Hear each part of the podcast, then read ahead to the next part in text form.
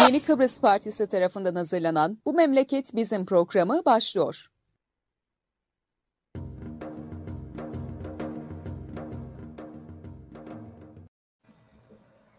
Evet, Yeni Kıbrıs Partisi'nin hazırlayıp sunduğu Bu Memleket Bizim programının 300. özel yayınındayız. Bugün ben Murat Kanatlı, Aziz Şah ve Halil Karabaşoğlu'yla beraber. İyi akşamlar arkadaşlar. İyi akşamlar Murat abi. Şimdi 300. yayın dedin. Biz mi bir şey ısmarlayacaksa sen mi bize ısmarlayacaksın? Vallahi bu aralar herkes züğürttür. O yüzden birer kahve ısmarlarık. Herkes herkese kısmet olmaz 300. program bize denk geldi demek. evet. Evet 300. programda 300. kez ricamızı tekrarlayalım. Canlı yayınları Facebook'ta, Twitter'da, YouTube'da seyredebilirsiniz. Her ne zaman seyrediyorsanız lütfen paylaşın ki bu görüşler ve düşünceler daha çok insana ulaşsın diye 300 kez söylediydik. 301. kez daha söyleyelim. Evet, e, o kadar çok konu var ki programa girerken de biraz sohbet ettik. Neresinden tutmak istersiniz? Yani e, yani cami avlusundaki e, politikadan mı son atanan iç yani İçişleri Bakanlığı'nda örgü örgü bir şey örüyor. Yani eskiden başba Cumhurbaşkanı atarlardı. Sonra başbakan. Sonra şey şimdi bürokrat atıyorlar. Bildiğin e, müdür müsteşar atıyorlar özel yerlere ve e, bunu bir süredir Hamit Hoca ısrarla söyler. Kaymakamlar uzun süredir değişmez. Özel kişiler atandı kaymakamlığa ve orada kaldılar ve hepsi de Türkiye uyrukludurlar. E, ve bütün düzenekleri de onlar kuruyorlar. Böyle bir aslında alttan sistem e, çatı çatı çalışıyor ve biz bir vileleşmeye doğru giderik. E, buradan başlayalım isterseniz. Neler Peki, görürsünüz siz? Şey, bu İçişleri e, Bakanlığı'na atanan özel kalem müdürü e, o da mı şeydir? E, Türkiye kökenlidir Murat abi? O çok anlaşılmaz paylaşımlarında e, onu araştırıp bulmak gerekiyor ama e, Türkiye'li kökenli olduğu anlaşılıyor şeyin. E, Mert Osmanların e, hal ve durumu e, yani e, şey e, bir üniversitenin mütevelli heyetindedir. Kardeşi de e, mütevelli heyeti başkanıdır. Yani bu ikinci bir üniversitenin siyasetimize şeyi e, müdahalesi değilim. Şimdi spesifikten girmeyelim. Bir önce bir genelleme yapalım. Çünkü siz girdiniz mahallenin dedikodularından kimse bir şey anlamayacak. Çünkü ben olayı anladım. Çünkü okudum haberi baktım Murat paylaştı. Ama programı izleyenler muhtemelen anlamamıştır ne Doğru. konuşulduğunu. Ee, sen ben bizim olan olmasın. Şimdi geçen program biz e, nereden girdiydik konuya? E, 18 Mayıs günü TC elçiliği önünde bir eylem yapıldı. E, işgalci Türkiye Kıbrıs'tan defol pankartı açıldı.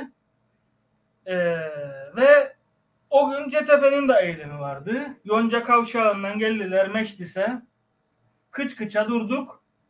Biz elçiliğe karşı slogan attık. Onlar Meçlis'e karşı davul çaldı. Ve hemen ondan önceki gün daha bu olaydan önceki hafta sonu da eee, Pogo temsilcisi Akel'in Kadın Hareketi eee, Genel Sekreteri eee CTP Kadın Örgütü'nün kurultayında işgal altındaki bölge dedi. Kıbrıs'ın kuzeyi için ve Tufan Erhürman da kürsüye hışımla koşarak Skevi Kukuma'yı susturdu. Dedi ki bizim terminolojimizde işgal yoktur. Bunun duyan Mevlüt Çavuşoğlu Ankara'dan uçarak geldi. E, işgal bölgesine girdi meclise CTP'li vekillere terörist dedi. Ondan sonra döndü dedi ki e, biz sizi kale almıyoruz. E, sizi yok sayıyoruz. Kurduğu cümle sizi yok sayıyoruz. Ve e, siz bizim için yoksunuz dedi. Yok hükmündesiniz CTP'ye. Şimdi e, Tufan Erülman'ın Pogo Kadın Örgütü Genel Sekreterine yaptığını Mevlüt Çavuşoğlu gelip CTP'lilere yaptı. Ki dil çok önemlidir. Orada Fazilet Özden Efe'nin lütfen bizi kale alın demesi yani e, bizim trajik durumumuzu gösterir. İşgalci var karşında. Ülkeni gasp etti. Senin kimliğinle senin adına konuşur. Bugünün gündemi ne? Bugün yeni düzenin manşeti neydi? Mausa ve Ercan Limanı'nın açılması. Bu bir sene öncenin gündemidir aslında. Bir sene önce bu konu gündeme oturdu. Bir sene boyunca biz bunu yazdık, çizdik, tartıştık. E, bu bir senede bir elin parmakları kadar insan konuştu bu konuda. CTP konuşmadı. Diğer siyasi partiler konuşmadı. Açıklama yapılmadı. 2-3 tane köşe yazarının bağırıp Avrupa Gazetesi'nin manşete çektiği bir meseleydi bu Mausa ve Ercan limanlarının açılması bir sene sonra fark edildi. Bu gündem Yeni Düzen Gazetesi tarafından ve e, gündeme taşındı. Şimdi e, bu Mausa ve Ercan'ı reddeden bizim adımıza Cenevre'de reddeden kimdir? Mevlüt Çavuşoğlu. Bizim adımıza reddetti. Kıbrıslı Türkler adına reddetti. Teklifi getiren Anastasiadis, bizim kimliğimizle Anastasiadis'e cevap veren Mevlüt Çavuşoğlu ve e, bundan bir sene bir ay sonra Mevlüt Çavuşoğlu Kıbrıs'a geliyor ve e, CTP milletvekili. Bu milletvekili de ilginç bir kelimedir yani tırnak içerisinde. Hangi milletin vekili? KKTC milleti. O ayrıca tartışılır. KKTC milletvekili, CTP milletvekili. Fazilet lütfen bizi kale alın. Biz federasyon istiyoruz. Ya Kıbrıs'ı Türklere tarih boyunca hakaret eden generaller, TC Dışişleri Bakanları, elçileri, bürokratları içerisinde ilk beşe girer Mevlüt Çavuşoğlu. Hakaret etme, aşağılama açısından ilk beştedir. Bu adam bize bu kadar hakaret etmiş, aşağılamış, hiçleştirmiş biri karşısında böyle dururlar. Evet efendim, sepet efendim, lütfen bizi kale alın. Ve ee, dönüp dolaşıp mesele dile geliyor. Skevi Kukuma çıkar kürsüye. işgal var der. Tufan Erürmen koşar. Hayır işgal yoktur der. Ondan iki sene önce, üç sene önce Selma Eylem çıktı kürsüye. TC'nin asimilasyon ilah politikalarını anlattı. Tufan Erürmen yine reddediyorum dedi. Mevlüt Çavuşoğlu geldi. Sus pus. Açıklama yok. Süt dökmüş kedi. Gülle geçsin. Ama geçemiyor bu gülle. Adam meclise gelir sana terörist der. Seni kale almıyorum der. Gider Lapta'da Lapta'da ben efendim bir senedir Kıbrıs'ta yaşarım. Bir senedir Kıbrıs'ta yaşarım. Oturma izni alıyoruz, mağdur oluyoruz. Diyen kadına halledecek. Kıbrıslıların hal, üslubuyla halledecek dedi. Yönetmenliklerle biz bu işi halledecek. Kadın diyor ki ben bir senedir Kıbrıs'ta kaldım. Bir sene konuşmayı baştan sona okuduğumuzda diyor ki bir senedir Kıbrıs'ta kalırım. İkinci sene için oturma izni alacağım. Yani gerçek bir devlet olsa KKTC skandaldır bu. Yani birinci senede vatandaşlık almak isteyen bir kişi var karşımızda. Ki bence bu e, sahneden mizan e, mizansen olabilir. Yani bu nüfus meselesini kışkırtmak için oraya o kadını koyup konuşturmuş bile olabilirler. Yani aklımdan bu da geçti. Çünkü bu konu ne kadar konuşulursa o kadar çok susuyor muhalefet. Konuşanlar o kadar çok azalıyor. Şu anda kimse şikayet etmiyor KKTC vatandaşlıklarına.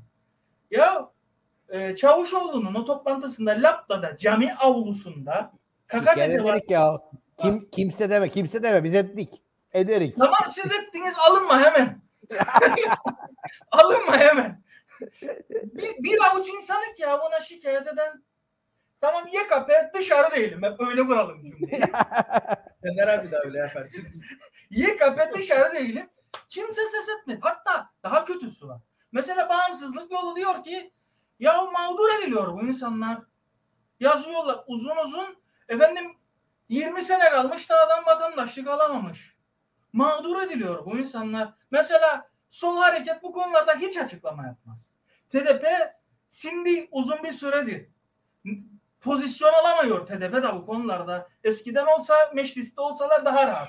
Herkese vatandaşlık diyecekler de şimdi dışarıda kaldıkları için Kıbrıslılara mı seslenelim, Türkiye'lilere mi seslenelim?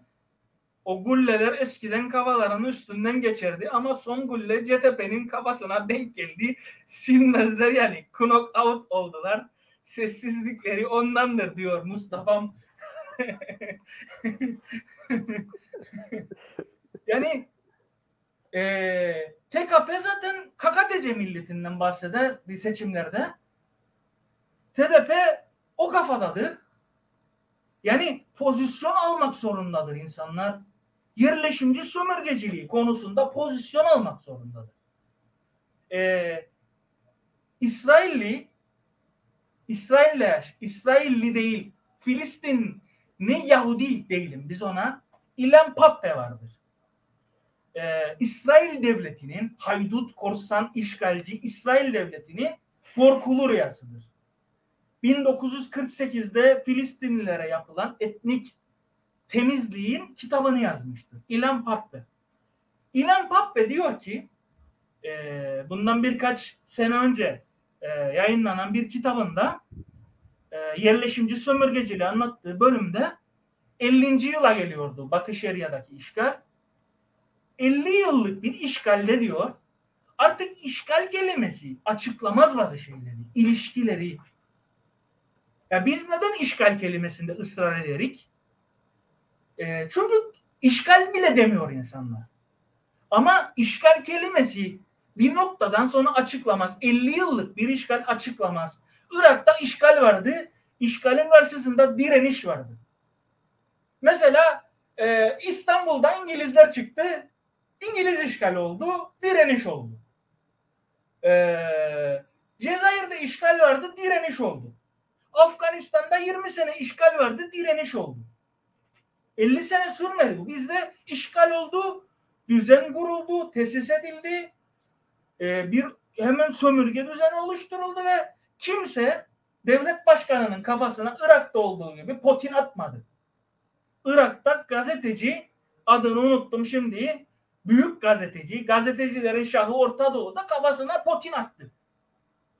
Bush'un o pezevek de hemen eğildi. Kafasına gelmedi. Şimdi yabancı devlet büyüklerine hakaretten gidecek gündür diye. Neyse bizim memlekette nasıl olur? Mevlüt Çavuşoğlu gelir Kıbrıs'a. Gazetecilerimiz altına bant koyar oturur kukla meclisinde. Ve sen 50 senedir işgalciye işgalci demedin. İşgale karşı çıkmadın. Irak'taki gazeteci gibi Putin'i çıkarıp kafasına savurmadın. Hep sansürledin, hep otosansüre gittin. Yazan genç gazetecileri susturdun.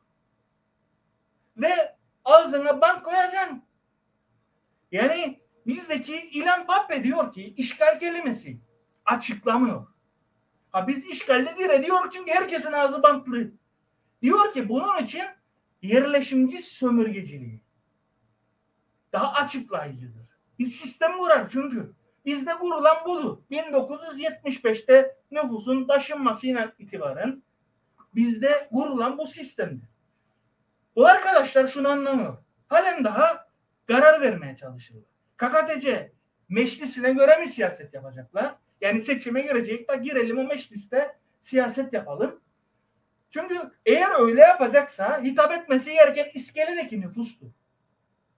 Eğer öyle yapmayacaksa hitap etmesi gereken Kıbrıslı Rumlardır ve Kıbrıs'ın kuzeyinde kalan Kop Kıbrıslılardır. Yani e, eğer sen KKTC meclisine gireceksen çoğunluğa hitap etmek zorundasın. Buradaki demografik yapıda Kıbrıslı Türkler üçüncü sırada falandır.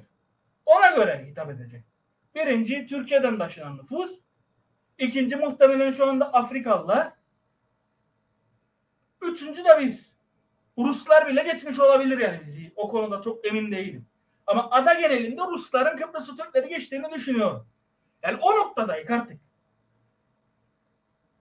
Bugün Mustafa senin aktiftir. Mustafa'm bugün aktif bank komadılar ya diyor. Della yapıştırdılar.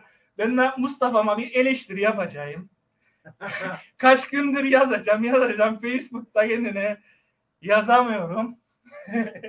Mustafa bir iki gündür e, CTP'li milletvekillerinin konuşmalarını paylaşıp e, çok şefkatli yorumlar yapar. Erkut Şahali'yi alkışladı. Ondan sonra başka birkaç CTP milletvekilini daha alkışladı. Mustafa'm galiba Berliner'i çok kaçırdı onda. Şekerli yer. Putra şekerini çok kaçırdı. çok şefkatli davranma CTP'ye. Daha sonunda gene tekmeyi yiyecek. Bir şey değil ya. Güzel şeyler yaparlarsa söylesin. Bir şey değil. Neyse. E, Bu sonra arada sonra- Hüseyin Sevay da şeylerde e, senin bahsettiğin kitapları koydu. Bir ara ahali bakar şeylere, Evet. kitaplara. Ee, yani demem o ki e, bağlayayım bu dağınık konuşmayı. Demem o ki e, YKP dışındaki partiler e, karar versinler. KKTC içerisinde mi siyaset yapacaklar? Yoksa yani KKTC meclisine girmek ve Çavuşoğlu'ndan hakaret işitmek için mi siyaset yapacaklar? Yoksa eee Kıbrıs'ın bütününü vatan bilerek Kıbrıs halkının parçası olarak mı siyaset yapacak? O zaman durum değişir. O zaman söylenecek, gidilecek yol çok başkalaşır. Bugün mücadele edilir, edilmemediğinden şikayet edilir. Örgütlü değil, örgütlüdür. Yok siz çok konuşursunuz ama örgütlü değilsiniz. Örgütlü olmanın bir anlamı yoktur bugün Kıbrıs'ta. Yoktur, gerçekten yoktur. Eğer sen ne yapacağını bilmiyorsan istersen 100 bin kişilik bir örgüt kur. O 100 bin kişiyi sen nereye yürüteceksin? Rotan nedir? Senin rotan KKTC'yi reform etmektir. Ganimet topraklar üzerinde, işgal rejiminde. Tepende general var, TC elçisi var. Müsteşarları bile elçilik atar. Hadi oraya bağlayayım. Murad'ın başlattığı yere bağlayayım. Geçtiğimiz günlerde bir UBP'li, üst düzey UBP'li e, bir tanıdığıma diyor ki müsteşarları bile elçilik atar. Geçen gün 10-15 tane müsteşar atandı bir gece sabaha karşı. Tayyip Erdoğan'ın yaptığı gibi resmi Evet. gazete gece yarısı çalıştı. Müsteşarlar atandı. Elçilik atar diyor. UBP'li şikayet ediyor. Biz sesimizi çıkaramıyoruz diyor. Müsteşarı bile atayamıyoruz. Yani derdik ya pasta bitti. Pasta kalmadı. Pastadan pay alma hikayesi vardı. Kıbrıs Türkler birazcık pay aldı. Pay may kalmadı bitti. Elçiliğin istediği kesim alacak artık tamamen. Kenarında dilimcik de kalmadı. Ve UBP'li de diyor ki aynı zamanda eee jeneratör geliyor Kıbrıs'a. Biz istemeyek diyor bu jeneratörü. Çünkü çok pahalıdır yakıtı. Üç katına çıkacak elektrik faturası. İnsanlar bugünkünü karşılayamaz. Üç katına çıkacak ama bunu bile söyleyemiyorlar. Müsteşarı elçilik belirler. Jeneratörün tipini elçilik belirler. Türkiye belirler. E sen karar vereceksin. Girip o mecliste girebilirsen. Hakaret işitmek için mi siyaset yapacaksın? Yoksa Kıbrıs'ın bütünü çerçevesinde. Kıbrıs Cumhuriyeti'ne dönüş mü den ona? Kıbrıs Cumhuriyeti anayasasının restorasyonu mu den? Kıbrıs Cumhuriyeti'nin federalleştirilmesi mi den? İstediğini söyle. Adını ne koysan koy. Ama ne yapmayı istediğin de önemli. Örgütlü olmanın bir anlamı yoktur. Ne yapmak istediğini bilmiyorsan. Bu yüzden netlik lazım. Programatik netlik lazım. ideolojik netlik lazım. Nüfus konusunda net değilsen hiçbir şey yapamam. Yani İlhan Pape işgal kelimesi açıklamaz diyor. 50 senelik bir işgali. Bunu anlamamız lazım önce. Burada insanlar dellalıyor ağzını gazeteciler işgal dememek için. Ama mesele işgali çoktan açtı. Mesele yerleşimci sömürgeciliğidir. Ve bu pasta bitti. Pasta bitti. Evet sana bırakıyorum.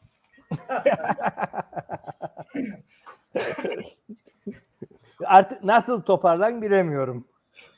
Vallahi şimdi aslında e, ben de yoğunlaştırdım bu yerleşimci e, sömürgeciliğine ilgili okumalarımı. E, Murat abi seninle de paylaşıyorum zaten bunları. Bu yerleşimci sömürgeciliği gerçekten önemli bir e, mevzudur. Aziz'in dediği gibi bizdeki en büyük problemlerden bir tanesi e, Ulus Baker da bunu dile getirir. Kavramlar üzerinden tartışamıyor oluşumuz. Yaşadığımız sorunlara kavramlar üstünden bakamıyor oluşumuzdur. Dolayısıyla e, burada da bu kavramlar üzerinden Kıbrıs sorununa bakmak önemlidir. E, Lorenza Veracini e, bu yerleşimci, Patrick Wolf yerleşimci sömürgeciliğin en önemli e, teorisyenlerinden ikisidir. E, onlar da hep e, kitaplarında, makalelerinde dile getirir. Yerleşimci sömürgeciliğin diğer sömürgecilikten e, en önemli farkı imha etmesidir. Yani yerli olan halkı doğrudan imha eder. Hatta benim e, anladığım kadarıyla kolonyalizmden daha tehlikelidir. Yerleşimci sö e, sömürgecilik. Hatta Patrick Wolf e, bir makalesinde der ki yerleşimci sömürgecilik diyor başladıysa ve ilerlediyse o ülkede dekolonizasyon hareketinin veya özgürleşme hareketinin zemin bulması imkansıza yakındır diye bir e, cümlesi var. Çünkü nüfus aktarımının yaşanmasıyla birlikte burada da e, artık evlilikler olmaya başlar. Burada da 50 seneden sonra görürsünüz artık devlet e, tırnak içinde devlet kadrolarının içinde yerleşikler olmaya başlar. Müsteşarıdır, işte müdürüdür, bilmem nesidir. Dolayısıyla e, burada tamamen o ses, yerli ses silinmiş olur. Yani temsiliyet anlamında, representation, temsiliyet anlamında silinmiş olur. Bizde aslında bu hikaye, bu yerleşimci sömürgecilik hikayesi 75 yılında başladı. Kıbrıslı Türkler Türkiye işbirliği yaptı. Ve ilk e, sürülen Kıbrıslı Rumlar oldu 1974'te. Ve 75 ile birlikte Türkleştirme operasyonu başladı. 50 yıl sonra Kıbrıslı Rumların kuzeyde hiçbir temsiliyetinin kalmadığını görüyoruz. 3-5 tane kilisenin dışındaki o kiliselerin bir çoğunluğu da harap şeklindedir. Yani sokak isimleri değiştirilmiştir. E, mimari anlamda yapıların karakteristiği değiştirilmiştir.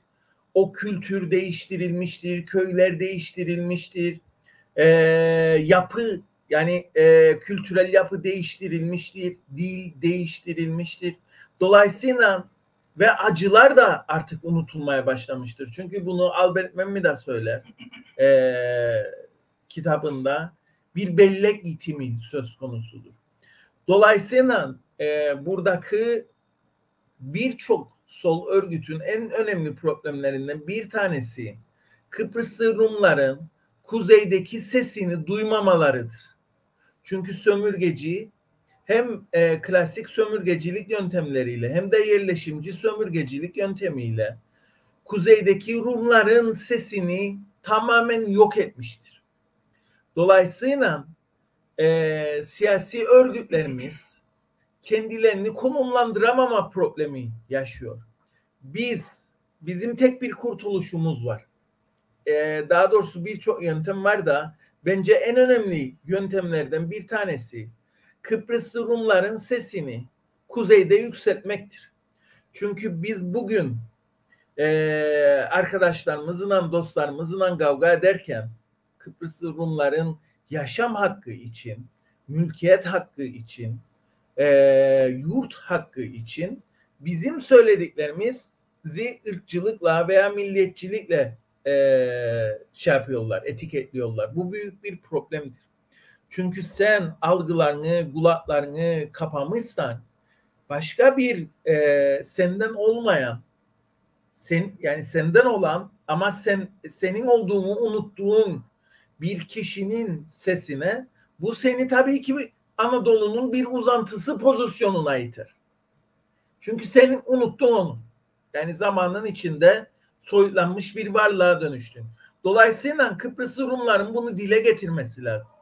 Buradaki örgütlerin Kıbrıs Rumlara anlatması lazım. Nasıl anlatacaklar? Eğer bir Kıbrıs Rum evine dönme hakkını dile getirirse örgütlü olarak onlara verecekleri cevap nedir?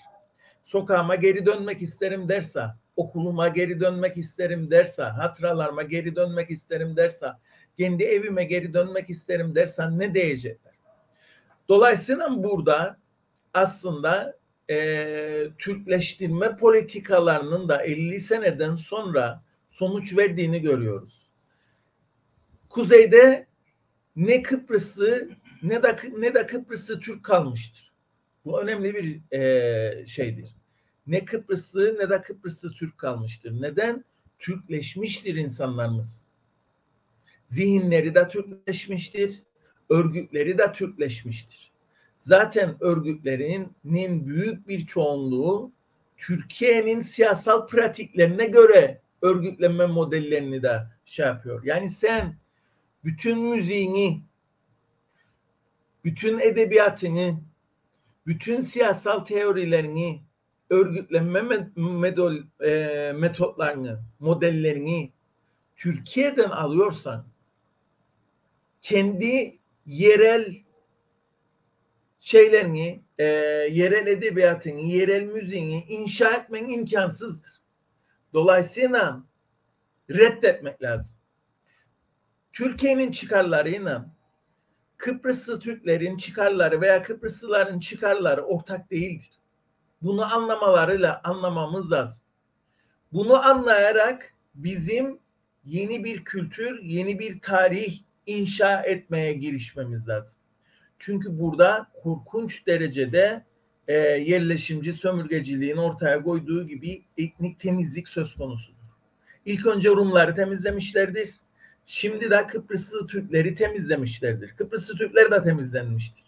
Çünkü Türk dış politikasının veya Türk iç politikasının e, uygun gördüğü şekilde hareket ediyorlar. Buradan bağla, da, bağlanayım ben de. Ee, şimdi Halil Türkleştirme deyip şikayet ediyorum. Hacettepe milletvekili Biray Hamzaoğulları kendi damadı Kayseriliymiş diye aynı ırktan insanlar olduklarından bahsedili. iki gün geçti daha. Toplumda ortalama bir Halil varken bin bir ay var diyor Mustafa. Doğrudur Mustafa'nın söylediği. Bu zaten yerleşimci sömürgeciliğin e, toplum mühendisliğidir. Yani Türkiye bunu e, hep konuşuyoruz biz de. E, İttihat ve Terakki örgütünden bugüne e, deneyimlemiş ve bunu e, başarılı bir şekilde gerçekleştirmiş bir devlettir. Bugün aynı şey Suriye'de de yaşanıyor. Suriye'nin kuzeyinde ve doğusunda da yaşayan. Orada da çok enteresan bir örnek vardır. Orada da Suriyeli mültecileri alıp Kürtlerin, Arapların ve Süryanilerin yaşadığı bölgeye getirile, getirerek e, yerleşimci sömürgeciliği uygulamaya çalışıyor. Bir milyondan fazla Suriyeliyi oraya aktarıyor. Yani bu yerleşimci sömürgecilik dediğimiz mesele gerçekten sömürgecilikten daha tehlikelidir. Çünkü nüfusu değiştiriyor. Nüfusu değiştirdiği için yerine yeni bir nüfus aktardığı için, yeni bir inşa gerçekleştirdiği için toprağla bağını koparıyor insanlar. Ve tamamen kendilerini Türkiye'nin uzantısı olarak görüyorlar.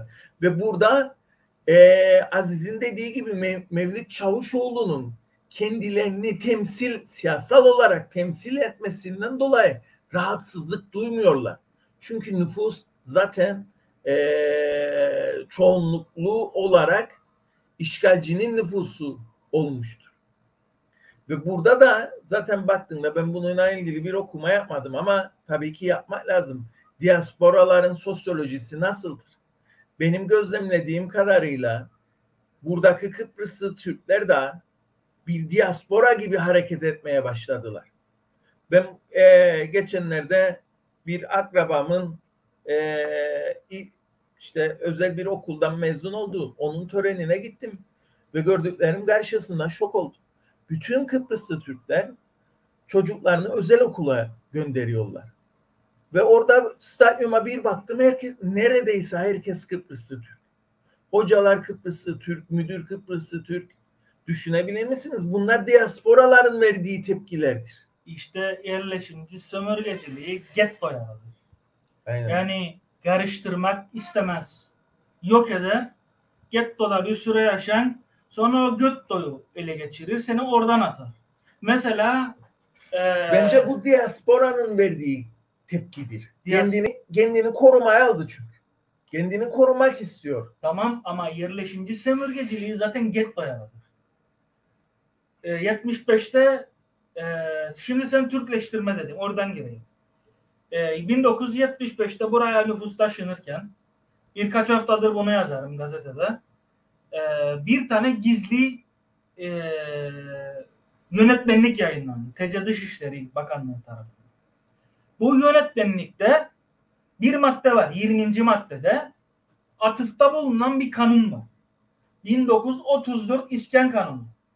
Bugünkü Türkiye'nin yaratılmasını sağlayan nüfus mühendisliğinin temelidir bu kanun. Bu kanun Türk halen daha yürürlüktedir. Ee, tarih boyunca ihtiyaç duydukça geliştirilmiş, eklemlenmiş bir kanundur.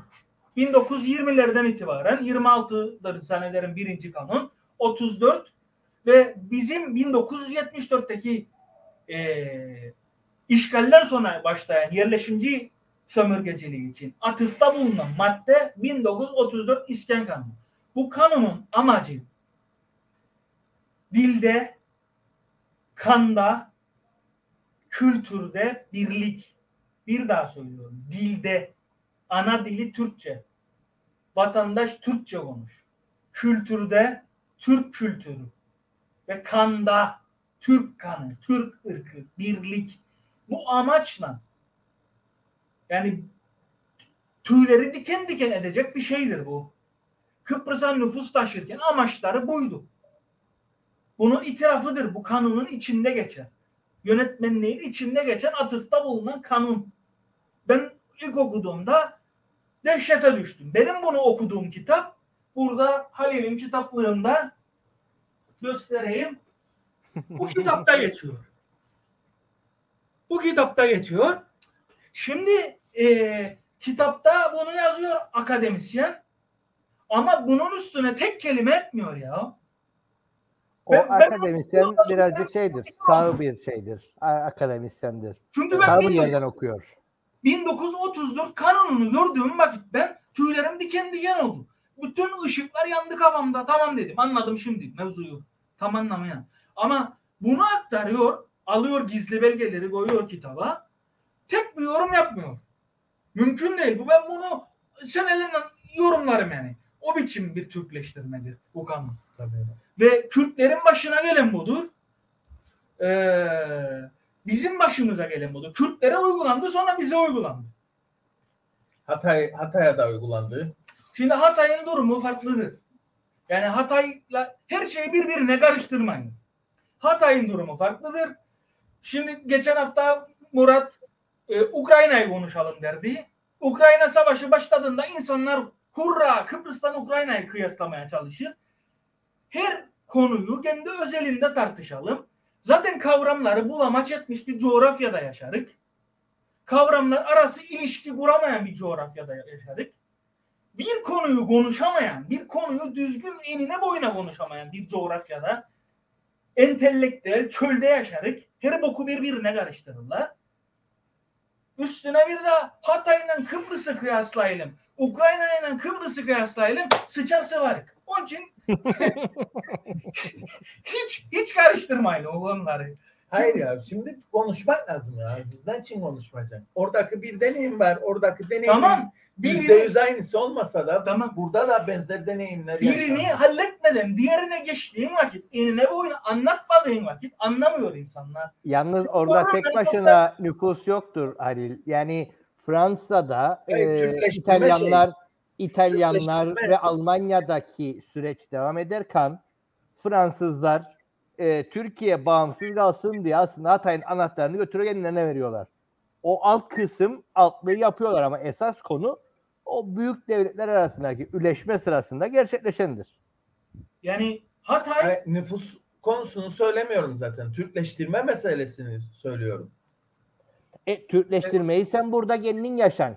Bertan Zaroğlu ana dili Arapça olarak gelir sana Türk milliyetçisi yapar seni Türk yapacağım der. E işte Adam Türk- e, Hatay'ın bilinen aşiretlerinden biridir. Arap aşiretlerinden biridir. Akrabaları da Suriye'dedir adamın. Araplar, Lazlar aynı şekilde. İşte bu mesele e, kanunun uygulanması. E, yani kanunu ayrıca tartışırız. Bir de uygulanması var. Buraya getirdikleri Laz yani ben ilk başladığımda 2018 17 18'de yerleşimci sömürgeciliğini yazmaya e, birkaç kez bana Karadenizli gençler e, sataştı. Ya dedi 74'ten sonra buraya taşınan nüfus Karpaz bölgesinde Rumlarla Rumca konuşuyor. Yani Karadeniz'den taşıdıkları e, Lazların bir kısmının ana dili Rumca. Kanunun amacı ne? Dilde birlik. Ana dilleri Rumca olanları Türk olarak getirdiler. Yani kanunun uygulanması, kanunun kendi amacı başka, uygulanma amacı başka. Ee, uygulanma şeklinin kaçta kaçın ne kadar uygulanabildi o ayrı bir tartışma konusu. Şimdi neden öyle söyledim Hatay konusu? Hatay Fransız sömürgesiydi. Ee, hep Hatay modeli derler. İkinci Hatay olacak. Şimdi Kıbrıs Kıbrıs Cumhuriyeti toprağıdır burası. Birleşmiş Milletler üyesi Kıbrıs Cumhuriyeti toprağıdır. Olağanüstü bir e, konjonktürel bir durum olmadığı takdirde Türkiye burasını ilhak edemez. Orada Fransız kolonisinin toprağını aldı Türkiye. Suriye toprağını almadı. E, aynı şey karşılaştırma Ukrayna için yapılır. Ukrayna ilhak ederse Türkiye Kıbrıs'ın kuzeyini ilhak eder mi? Yanlıştır bu kıyaslamalar. Çünkü Ukrayna'nın Novrosya denilen bölgesi Donetsk, Lugansk, Moldova'ya kadar giden bölge ana dili Rusça olan çoğunluk bir nüfustan bahsederek. Ve oraya kimse nüfus taşımadı. Rusya ne demografi mühendisliği yapmadı orada. 2014'te gidip oraya 2014'te başladı bu savaş. 2014'te 2022'ye devam etti bu savaş Ukrayna. Bak gene, gene tartışacak. Girme istersen oraya. Çünkü Sovyet döneminde o nüfus akışı oldu oraya. Tamam Sovyet döneminden oldu. Savaşta şu anda olmadı. Özellikle Kırım- Dünya Kırım Savaşı'nda çok büyük bir şeyi oraya sa- şeyi ağır sanayi oraya yapınca da çünkü şey orada em, söyle e, demir çelik işlerinin şey oradadır malzemesi orada olduğu için oraya yatırım yapılınca nüfus oraya kaydı otomatikman. İkinci Dünya Savaşı'ndan sonra oldu. O başka Evet. bir şey. Şu anda Rusya alıp oraya nüfus taşıyıp Ruslaştırmadı bölgeyi. Ama Türkiye buraya nüfus taşıdı. Burayı Türkleştirmek için. Nüfus politikası ilhak politikasının birinci adımıdır. Yani e, Hatay'da da o nüfus taşıma yoktur. Temel olarak. Temelde. Yani bizim durumumuz bu yerleşimci sömürgeciliği, nüfus taşıma. O yüzden saplan samanı karıştırmayalım. İsrail'le kıyaslayalım. Sonuna kadar kıyaslayalım. Çünkü İsrail KKTC'dir. KKTC İsrail'dir. Aynı modeldir ikisi. Ve get dolaşma şunu, şunu söylüyordum. Sen e, diaspora modeli deyince diasporadaki insanlar get dolaşı kendini korumak için. Mesela geçen sene gündem neydi? Filistin'de Kudüs'ün bir Şeyh Cerrah mahallesi var. Filistinli yerlileri oturur orada. Gitti İsrailli yerleşimciler e, bu insanları evlerinden atmaya çalışır. Yahudi eee, Amerika'daki Yahudileri getirdiler. Amerika'dan Yahudi geldi New Yorklu. Adamın adı Yakup. Şirin'di zannederim. Ee, evin sahibi Şirin'e saldırır. Evinden atacak Şirin'i. Aralarında bir diyalog geçer. Tarihi bir diyalogtur bu. Ee, Kudüs'ün Şeyh Cerrah mahallesi. Yakup der. Biliyorsun der. Bu ev benim. Sen beni evimden atıyorsun. New Yorklu İngilizce konuşur. İngilizce konuşurlar. New Yorklu Yakup da der ki kendine ben atmazsam seni başkası atacak. Sen benim evime çalıyorsun der kadın kendine Filistinli. O eğer ben çalmazsam başkası çalacak. Oradaki Şimdi- yalnız o mahalledeki tartışma farklıdır. O mahalleyle ilgili kısım 10 yıl önce başladı tartışma. Tam bizim Maraş'a çok benzer. Onu araştır istersen. Ee, 48'de ee, Kudüs'ün belli mahallelerini boşaltınca buraları dağıt bayırdı. Ee, Filistinler buraya doğru göç etmeye başladı. Ama bu bölgeler daha önce Osmanlı döneminde fi- bazı Yahudilere verildiydiler. Şimdi şu an o Osmanlı tapuları üzerinden e, hak talep edin ve size verelim dedi şey İsrail devleti. O yani o ovaydı aslında bir zamanlar 48'de sürülen e, Filistinlileri şimdi bir daha oradan atıyorlar. İşte orada mahkeme girer devreye. Mahkemesi girer ve der ki sen buralı değilsin. Çık. İsrail Bak- mahkemesi. İsrail mahkemesi diyor ki aha tapu var burada. Osmanlı'nın verdiği tapu var diyor burada. Osmanlı'nın tapusunun üzerinden ben yaparım. Tıpkı Maraş'ta olduğu gibi. İşte e, bizde de nasıl oldu bu? E, İTEM yasasıyla oldu. Önce İTEM'i yaptılar. Sonra da TEMEKA'yı yaptılar. E, tem, tem, açılımı neydi? Taşınmaz Mal Komisyonu. İkisi de CHP'nin eseri. Mesela sen dedin ya Rumların geriye dönüş hakkı. Bunu konuşmamız lazım. Söylememiz lazım. E, Sesin yay çıkması, ortaya çıkması. bize ırkçı diyenlere karşı ırkçılığa uğrayanın Rumlar olduğunu Rum'un mülkiyet hakkını savunurken söylememiz lazım dedik. Ama sağ olsun CTP itemi yaptı. Sonra taşınmaz mal komisyonunu kurdu. Değiş tokuş yapın dedi. Dönüş hakkının önüne duvar çekti. Yani eee, bizim barışçılarımız, federalistlerimiz çok çalıştı. Rumlar geri dönmesin diye. Mültecilerin geri dönüş hakkı temel insan hakkıdır. Bir sürü prosedür çıkardılar. Eee, bundan Bu bir süre arada önce demince şeyi söylediğin Hatay'la ilgili e, benim okuduğum iyi kaynaklardan biridir derli toplu olarak. E, burada bazı şeyler var.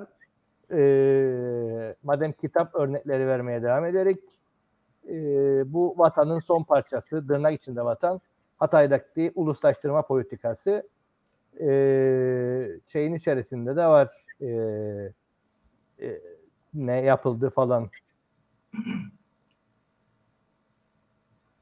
Devam et. Hatay Evet. kısmı bu. Kitap önerisi. Devam. eee, CTP dedin önün engel çıkardı. Mülteci çıkardı. Geri dönme hakkı için. Geri dönme hakkı için engel çıkardı. Ee, nereye bağlayacaktık? Kanatlı girdi araya. Bağı kopardı. Sesi, Rumların sesini Tamam mı? yaptılardı. Ee, yani sonuç olarak bizi e, bu 1934 kanununa götürmesi 1974'ten sonra buraya taşınan nüfusun sembolik anlamı çok yüksek. Bunun tartışılması gerekir. Bizim 1934 İskan Kanunu'nu tartışmamız lazım. Buraya nüfus bu amaçtan taşındı. Çünkü okuduk sonra ben o kanunla ilgili tartışmaları tüylerim diken diken olur. Bildiğiniz ırkçılık akar paçalarından. Paçalarından ırkçılık akar. Böyle bir kanun ve burada biz bunları konuştuğumuz zaman ırkçılıkla suçlanırız. Irkçı bir yasayı tartıştığımız zaman, kanunu tartıştığımız zaman ırkçılıkla suçlanırız. Sen konuşurken aklıma geldi. Bu ırkçılık tartışması o kadar saçmadır ki içini boşalttılar. Gerçek ırkçılığa ırkçılık denemiyor. Ee, ve olmayan şeylere de ırkçılık olmayan şeylere de ırkçılık deniyor. Bu çok tehlikeli bir şeydir. Faşizme faşizm diyeceğim. gerçekten faşizm diyeceksin. Zamanında doğru zamanda. Alaguduru faşizm diyemem. Küfretmek için faşizm diyemem kimse. Faşizmi biz e, kullanırken kelimenin doğru anlamıyla, kavramın doğru anlamıyla kullanmak zorunda. Faşizm küçük burjuvazinin, büyük burjuvazinin, sermayenin küçük burjuvaziye dayanan, küçük burjuva sosyal tabana dayanan kitle terörüdür. 6-7 Eylül 1955 pogromu faşisttir. 6-7 Eylül 1955 bir faşist kitle hareketidir. Almanya'da Kristallnacht bir faşist kitle hareketidir. 22 Ocak 2018 Lefkoşa Avrupa Afrika Gazetesi Sivas Madımak katliam provası bir faşist kitle hareketidir. Kafanıza göre eğip bükemezsiniz kavramları. İşgali eğip bükemezsiniz. Irkçılığı eğip bükemezsiniz. Faşizmi eğip bükemezsiniz. Çünkü lazım olduğunda bu defa o kavram kimse bir şey anlamayacak. Zamanında e, bu konular yoğun bir şekilde tartışılırken bir 15 sene önce biz faşizmi öğrenmeye çalışırken bir büyüğüm, bir akademisyen bana dedi ki devrimci Marksist bir teorisyen dedi ki küfret. Küfret dedi bana. Ana avrat küfret birinden hoşlanmıyorsan siyasetçiden. Ama e, faşist deme. Çünkü faşizm bize lazım olacak güne geldiğinde. Bize faşizm Almanya'da AFD alternatif für Deutschland çıktığında lazım oldu. Almanya'da Pegida çıktığında faşizm kavramı bize lazım oldu. Le, Le Pen çıktığında faşizm kavramı bize lazım oldu. Trump çıktığında faşizm kavramı bize lazım oldu. Ama bundan önce peynir ekmek gibi faşist derlerdi. Ondan önce yoktu faşizm. Faşizm dediğimiz zaman bir paramiliter kitle teröründen bahsediyoruz. Almanya'da yaşandı bunlar son 5-6 senede. İnsanlar takip etmiyor. Kem, Chemnitz'te yaşandı. Gazetecilere saldırdılar ya. Irkçılar. Çekemezsiniz. Mültecilere saldırdılar. Neler neler yaşandı. Yunanistan'da e, Hristi Avgi. Yani sen ona buna herkese faşist dersen faşist olmayanlara faşist dersen sen Hristi Avgi'ye faşist dediğin zaman e, ne söylediğinin ciddiyeti anlaşılmaz. Anlam yitimine uğrar. Yani biz kime faşist derik? MHP'ye faşist derik biz. Türkiye'nin bir tane resmi faşist partisi vardır MHP. İyi Parti onun yavrusudur. Zaman içerisinde göreceğiz. İyi Parti iktidara geldiğinde göreceğiz ne kadar faşisttir. O ülkücü geleneği ne kadar taşır içerisinde. Türkçü geleneğin parçasıdır. Büyük Birlik Partisi faşist bir partidir. Yani bir omurga var. Ee, Alparslan Türkeş, Nihal Atsız ve Alparslan Türkeş. Biz bunlara faşist dedik. Kıbrıs'ta biz kime ağız dolusu faşist dedik? Erhan Arıklı'ya. İslamcı, Türkçü, faşist gelenekten gelir. İslamcılığı da var bir var. Yani e, Türk İslam sentezi ülkücülüğü denir buna. 1980 sonrası faşist hareketin sentezi, Türk İslam sentezi, ülkücülük. Biz bunu nerede? Derinya'da gördük. Köklerini. Yani dilimizde sigara söndürecek dedi. Bilmem ne dedi bunlar.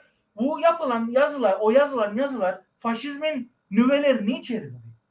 Sen şimdi e, Tatar'a faşist dersen gıcık kaptığın için e, yaptığı komikliklerden dolayı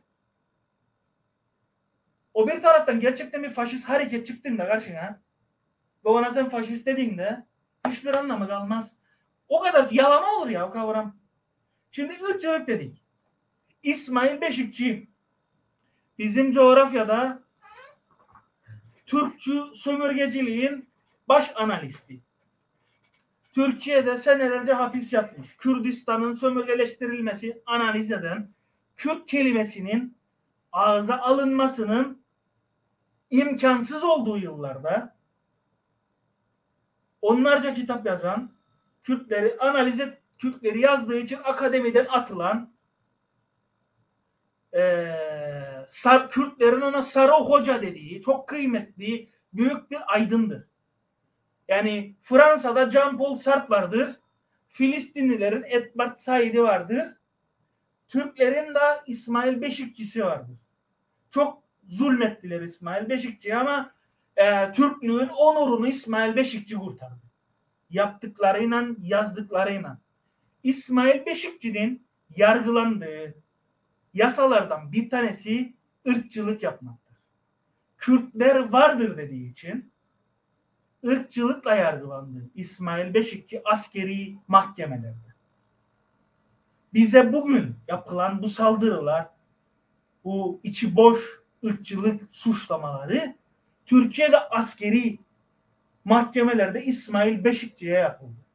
Yani bizim yaşadığımız her şey, tartışmalar, yaşadıklarımız ve yaşadığımız tartışmalar hep yaşandı bitti. Geçildi belli.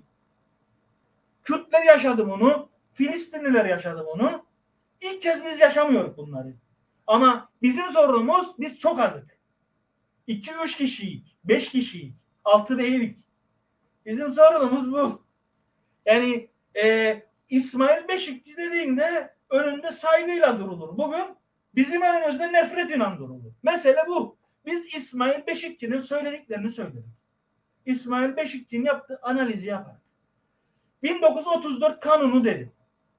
1934 kanunu üzerine derli toplu tek kitabı yazan kişidir İsmail Hoca. Yani e, Kürtlere nasıl uygulandığını anladan yani e, e, buradan al da bağlı Halil'im. Adam heyecana Art- gelir. Art- art- neyi nasıl bağlanacak bilmem. Ee, al sana bir de yardımcı şey yorum daha. Azize katılırım diyor Mustafa Billur. 34 İskan Kanunu konusunda lakin o kanun izole şekilde incelenemez.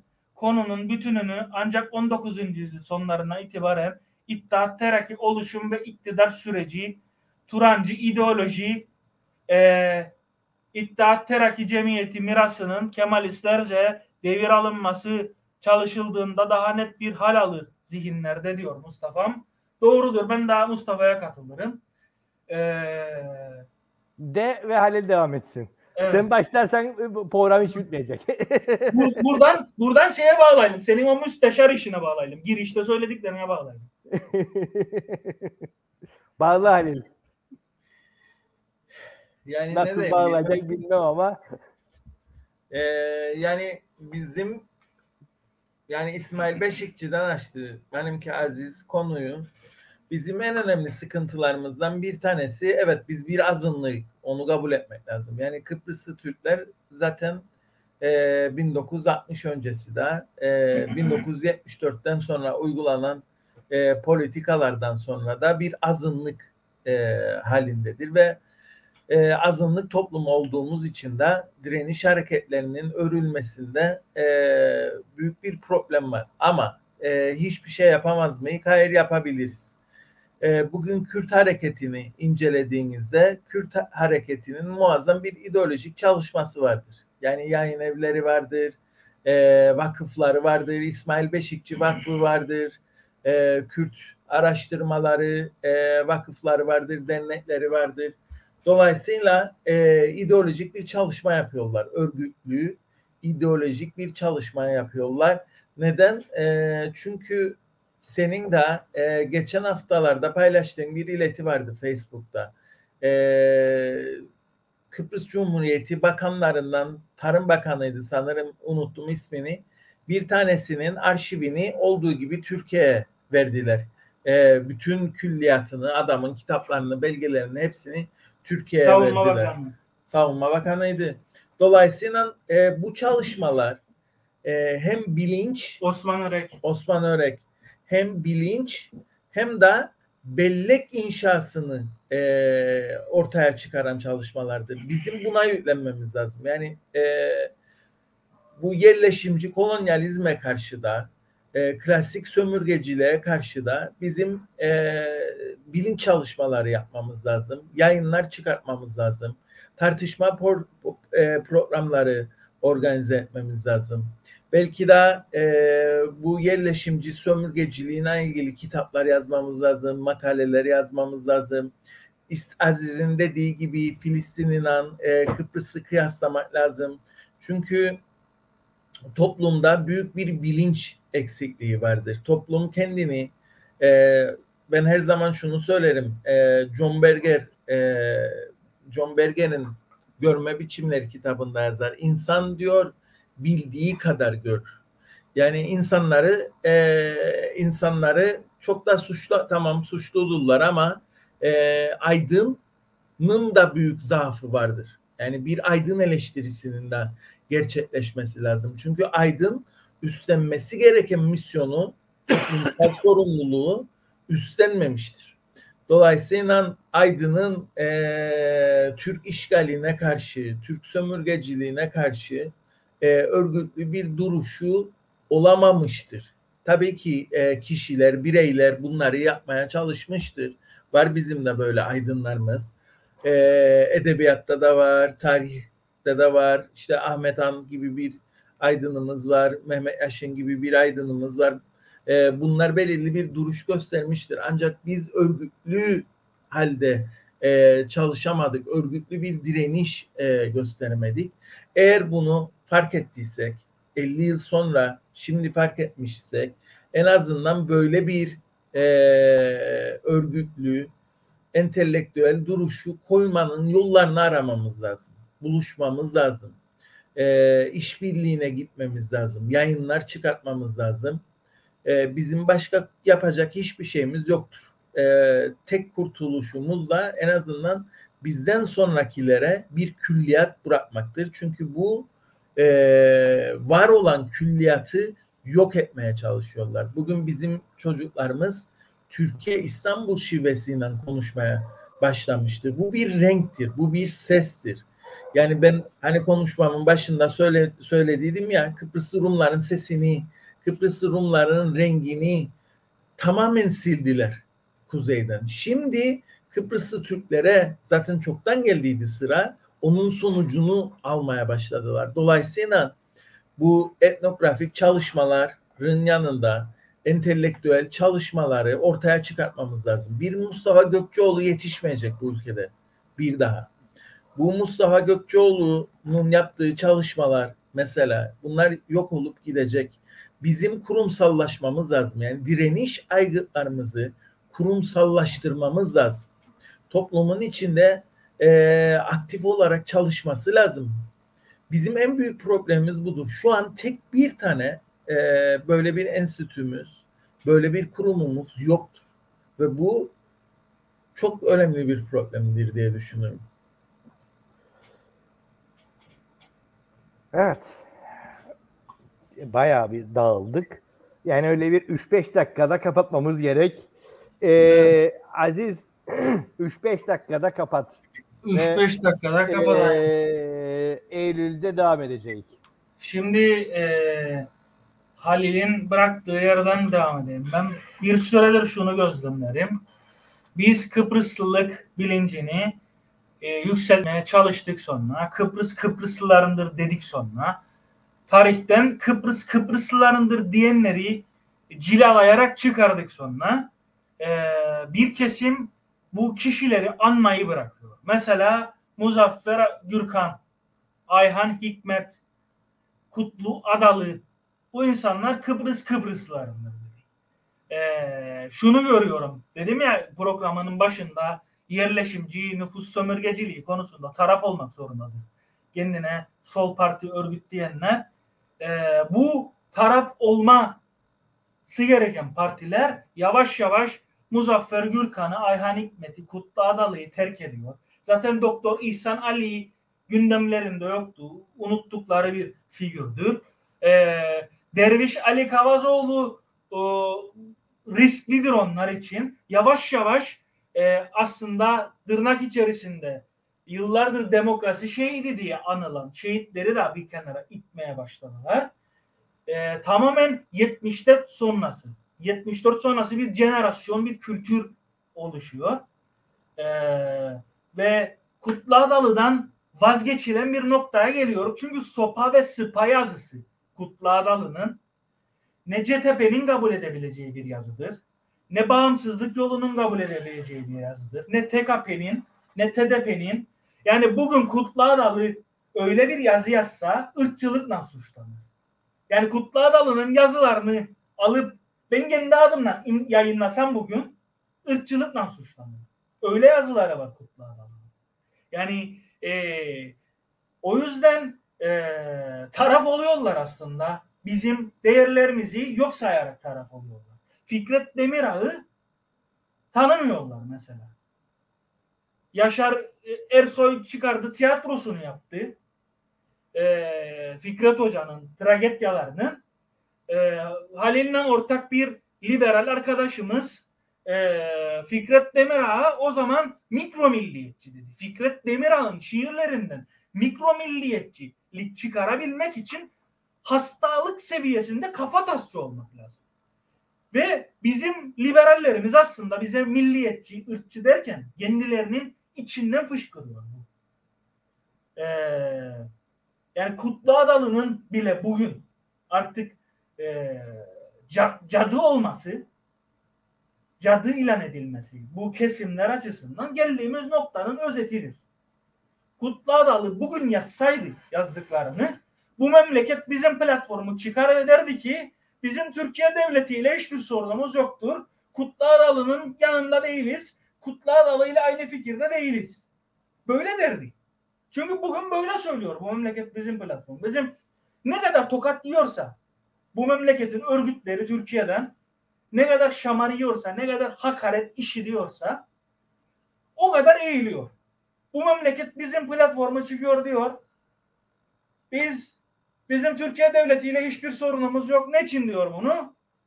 CTP eski milletvekili e, Okan e, Okan Dağlı e, Türkiye'ye giremiyor. Girişi yasaklanıyor. Bu memleket bizim platformu diyor ki e, bizim Türkiye devletiyle bir sorunumuz yok. Mevlüt Çavuşoğlu geliyor. Hakaret ediyor. Terörist diyor. E, CTP milletvekili diyor ki bizi de kale alın. Biz federalistiz. E, lütfen efendim. Sepet efendim. Yani vurduk sonra Türkiye daha çok eğiliyorlar. Vurduk sonra daha çok eğiliyorlar. Sonunda pantolon yırtılacak deyip bitireyim. e, ben bundan nasıl alacağım şimdi?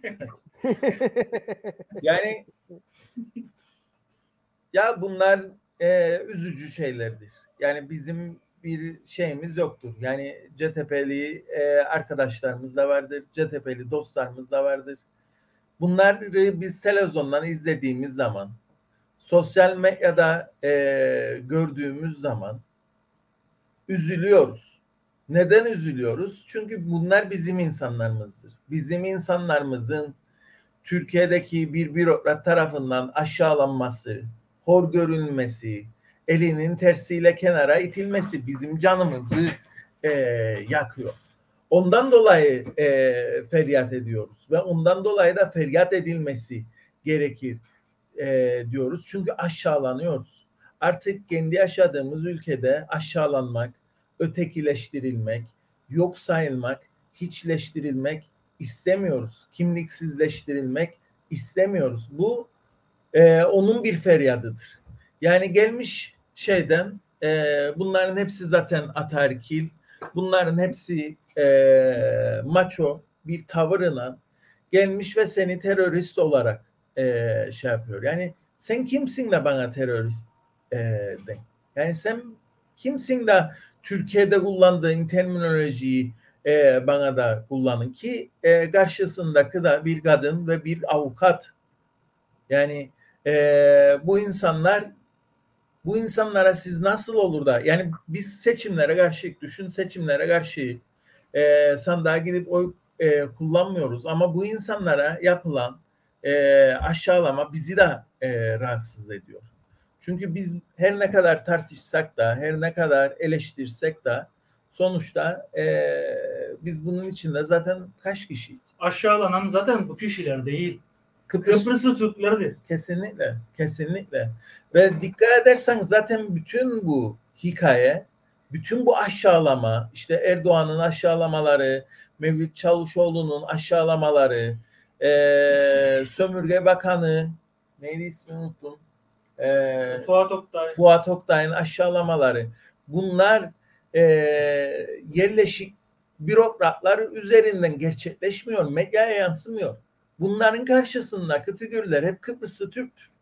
Bunların aşağıladıkları insanlar hep Kıbrıslı Türktür. Görmezsiniz yani bir e, ekranda Erhan Arıklı'yı bunlar aşağılasın.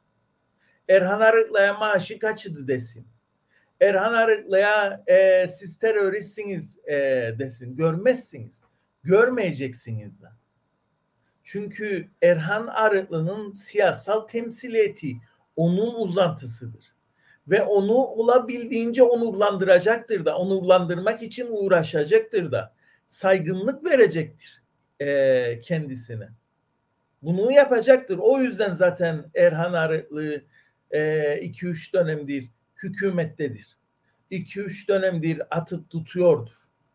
Ama e, karşısındaki Kıbrıslı Türkleri de yok sayacaktır. Çünkü Kıbrıslı Türklerin siyasal temsiliyetini gasp ettiğinin farkındadır. Gene e, Albert Memmi'nin e, çok güzel bir e, şeyi vardır. Sömürgeci diyor, gasp eder, gasp ettiğini bilir, bundan rahatsızlık duyar. Ama diyor e, süreç içinde bir tirana dönüşür. Ahlaki olarak da seni çok etmeye çalışır diyor. Yani o tiranlığa dönüşür, gözü e, döner, şiddetini arttırır ve ahlaki olarak da seni yok etmeye, itibarsızlaştırmaya çalışır. Kıbrıs e, bu kolonyal çalışmalar için çok zengin bir coğrafyadır. Bizim ne yazık ki akademisyenlerimiz de, aydınlarımız da hiç bu perspektiften Kıbrıs'a e, bakamadı. Dolayısıyla yazacak çok şey, konuşacak çok şey var ama e, biz eğer insan olmak istiyorsak bir şekilde direniş aygıtlarını yaratmamız lazım. Bu çok önemlidir. Direniş aygıtlarını yaratmamız lazım. Direniş aygıtlarını kaybedecek olsak bile yaratabilmek bizi bu ülkede onurlu bir duruşa sahip olmamızı sağlayacaktır. Çünkü bir köle bir köle efendisi tarafından dışlansa bile özgürlüğünü istediği anda her ne kadar efendisinin çıkarlarına ters düşse de bir saygınlık kazanır. Bizim eğer biz say, sayılmak iste, isteniyorsak, özneleşmek iste, istiyorsak bu memlekette Türkiye'ye karşı baş kaldırmamız lazım. Çünkü bu baş kaldırı bizi insanlaştırma sürecine götürecektir. Çünkü şu an biz insan değilik. Bir yaratığa dönüştürülmüş durumdayız. Evet. Bu konuda e, şeyin atıfta bulunduğu Sopa ve Sıpa'daki bölüm aslında 96'da yazıldı. E, sıralar ve söyler işte bugün yaşadığımız şeylerden bahseder. Aslında böyle şey olur mu? Olur daha da olacak. Böyle şey yapılır mı? Yapılır. Daha da beteri yapılacak. Eğer kimliği, kişiliği, her şeyi elinden almış toplum durumuna düşmüşsek ve hiçbir tepki göstermemişsek vatansever solcuları, aydınları, yazarları, öğretmenleri, sendika yöneticileri, işçileri hain gözle, gözlerle gömmüşsek, seçimlerde oyumuzu yanlış politikacılara vermişsek başımıza her şey gelecektir. Boyun eğdiğimiz, sindiğimiz sürece eriyip yok olmamız kaçınılmazdır diyor. Ee, yavru elden gitmiştir, ortada artık ana vardır diye de devam eder. Kutlu Adalı 96'da. Evet, evet. Kapatalım. Eylül'de gel. Eylül'de e, sizinle bu ekiple devam edecek. Son bir hafta daha e, ve Eylül'de e, bu tartışmaları, bu konuşmaları sürdüreceğiz. Evet bizi takip eden herkese teşekkürler. Yeni bir canlı yayında görüşünceye kadar herkes kendine iyi baksın. Herkese iyi akşamlar. İyi akşamlar. İyi akşamlar.